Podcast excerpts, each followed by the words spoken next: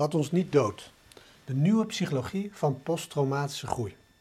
Boek What Doesn't Kill Us van Steven Josephs. Natuurlijk is de titel gebaseerd op de van Nietzsche's beroemde uitspraak: Wat niet doodt, maakt me sterker. Terwijl de ondertitel perfect de focus van het boek weergeeft: De nieuwe psychologie van posttraumatische groei. Steven is een van de werelds toonaangevende onderzoekers op het gebied van posttraumatische groei. Hij is ook een professor en een therapeut. Hij begon zijn carrière met het bestuderen van posttraumatische stress. Daarbij zag hij dat veel mensen aanzienlijke groei doormaakten als gevolg van stress die ze meemaakten.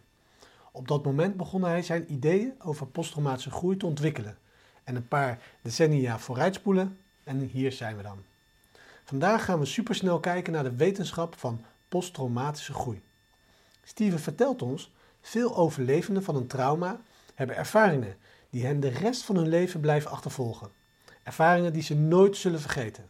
Ze kunnen jarenlang worstelen met aanzienlijke psychische pijn. De nieuwe psychologie van posttraumatische groei ontkent dit feit niet, maar erkent simpelweg dat er een andere kant aan de medaille zit. Dat te midden van grote psychologische pijn er ook een nieuwe erkenning van iemands persoonlijke kwaliteiten kan zijn en een diepere en een meer bevredigende verbinding met anderen.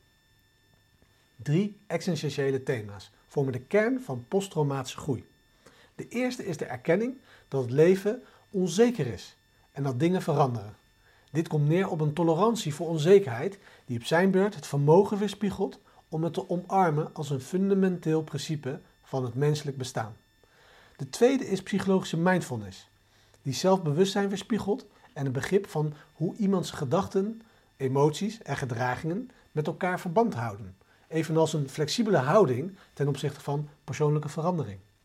De derde is erkenning van persoonlijke keuzevrijheid, wat een gevoel van verantwoordelijkheid met zich meebrengt voor de keuzes die men in het leven maakt en het besef dat keuzes consequenties hebben. Dus, wat kunnen we hieruit leren? Heel belangrijk is dat zijn studie niet ontkent dat trauma aanzienlijke psychologische stress en pijn kan veroorzaken. Maar Steven vertelt ons dat de stress functioneert als een motor voor groei. De uitdaging is om ervoor te zorgen dat de motor niet overhit raakt. Zoals hij zegt. Maar de diagnose PTSD beschrijft geen levenslange aandoening. Het beschrijft een reeks problemen die iemand op een specifiek punt in zijn of haar leven ervaart. Eén die, mits goed begrepen, de motor kan zijn van posttraumatische groei. Maar deze motor kan overhit raken. En als dat het geval is, moeten we stoppen en de radiator, thermostaat, pomp en antivries controleren. Het punt dat ik hier metaforisch maak, is dat we, wanneer we geconfronteerd worden met tegenslag, actief moeten zoeken naar nieuwe emotieregulatie en zelfremmende strategieën om onszelf weer soepel te laten werken. Te weinig stress leidt vaak niet naar veel groei. Te veel stress en we lopen het risico op posttraumatische stressstoornis in plaats van posttraumatische groei. Het is precies in het midden van die twee, waar we het optimale stressniveau vinden, dat de groei leidt. Het helpt ons om dit punt theoretisch te begrijpen en vervolgens deze wijsheid praktisch toe te passen. Laten we een korte blik werpen op de drie essentiële thema's die aan de basis liggen van posttraumatische groei. Ten eerste moeten we bereid zijn om de onzekerheid te omarmen die inherent deel uitmaakt van het leven. We lopen het risico onnodig kwetsbaar te zijn als we geen ruimte laten voor de onvermijdelijke obstakels en uitdagingen en zelfs trauma's om deel uit te maken van een zeer zinvol leven. Zoals Abraham Maslow ooit zei over de self-actualizers die hij bestudeerde. De belangrijkste leerervaringen waren tragedies, doden en trauma's, die een verandering in de levensvisie van de persoon dwongen en bijgevolg in alles wat ze deden. Dat betekent natuurlijk niet dat van ons verwacht wordt dat we per se van die tragedies genieten. Maar als we rekening houden met de aanwezigheid van deze moeilijke tijden, is de kans groter dat we dat optimale groeipunt vinden. Ten tweede, moeten we psychologische opmerkzaamheid beoefenen. We willen zelfbewustzijn ontwikkelen en opmerken hoe onze gedachten, emoties en gedragingen met elkaar in verband staan, terwijl we een flexibele houding ten opzichte van veranderingen cultiveren. En ten derde hebben we een gevoel van keuzevrijheid nodig. Een overtuiging dat we hebben wat nodig is om die onvermijdelijke uitdagingen het hoofd te bieden. Een van mijn favoriete boeken over dit onderwerp heet The Power of Agency. Een van de wijsheden van Paul Neper en Anthony Reo, die zij met ons delen, is: Toen we dit boek gingen schrijven, werden we vooral door één ding getroffen. We zagen het verband tussen het algemeen vertrouwen van mensen en hun vermogen om met grote uitdagingen aan te gaan.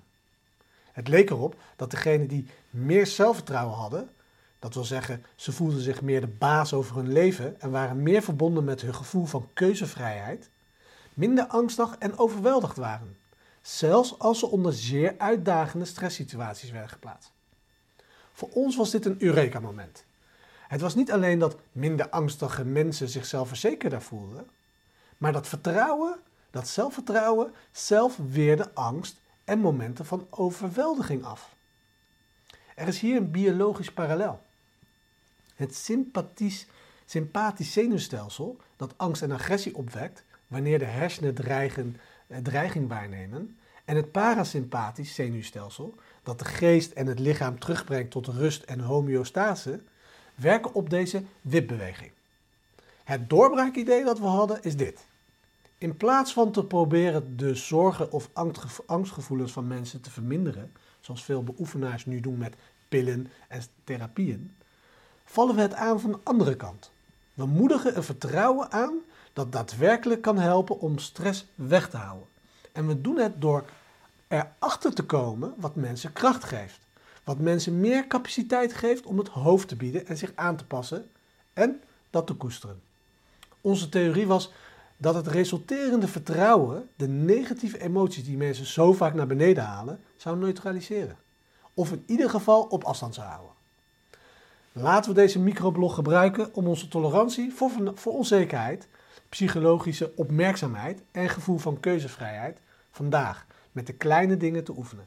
Zodat we stress krachtiger kunnen gebruiken als brandstof voor onze groei voor de rest van onze leven.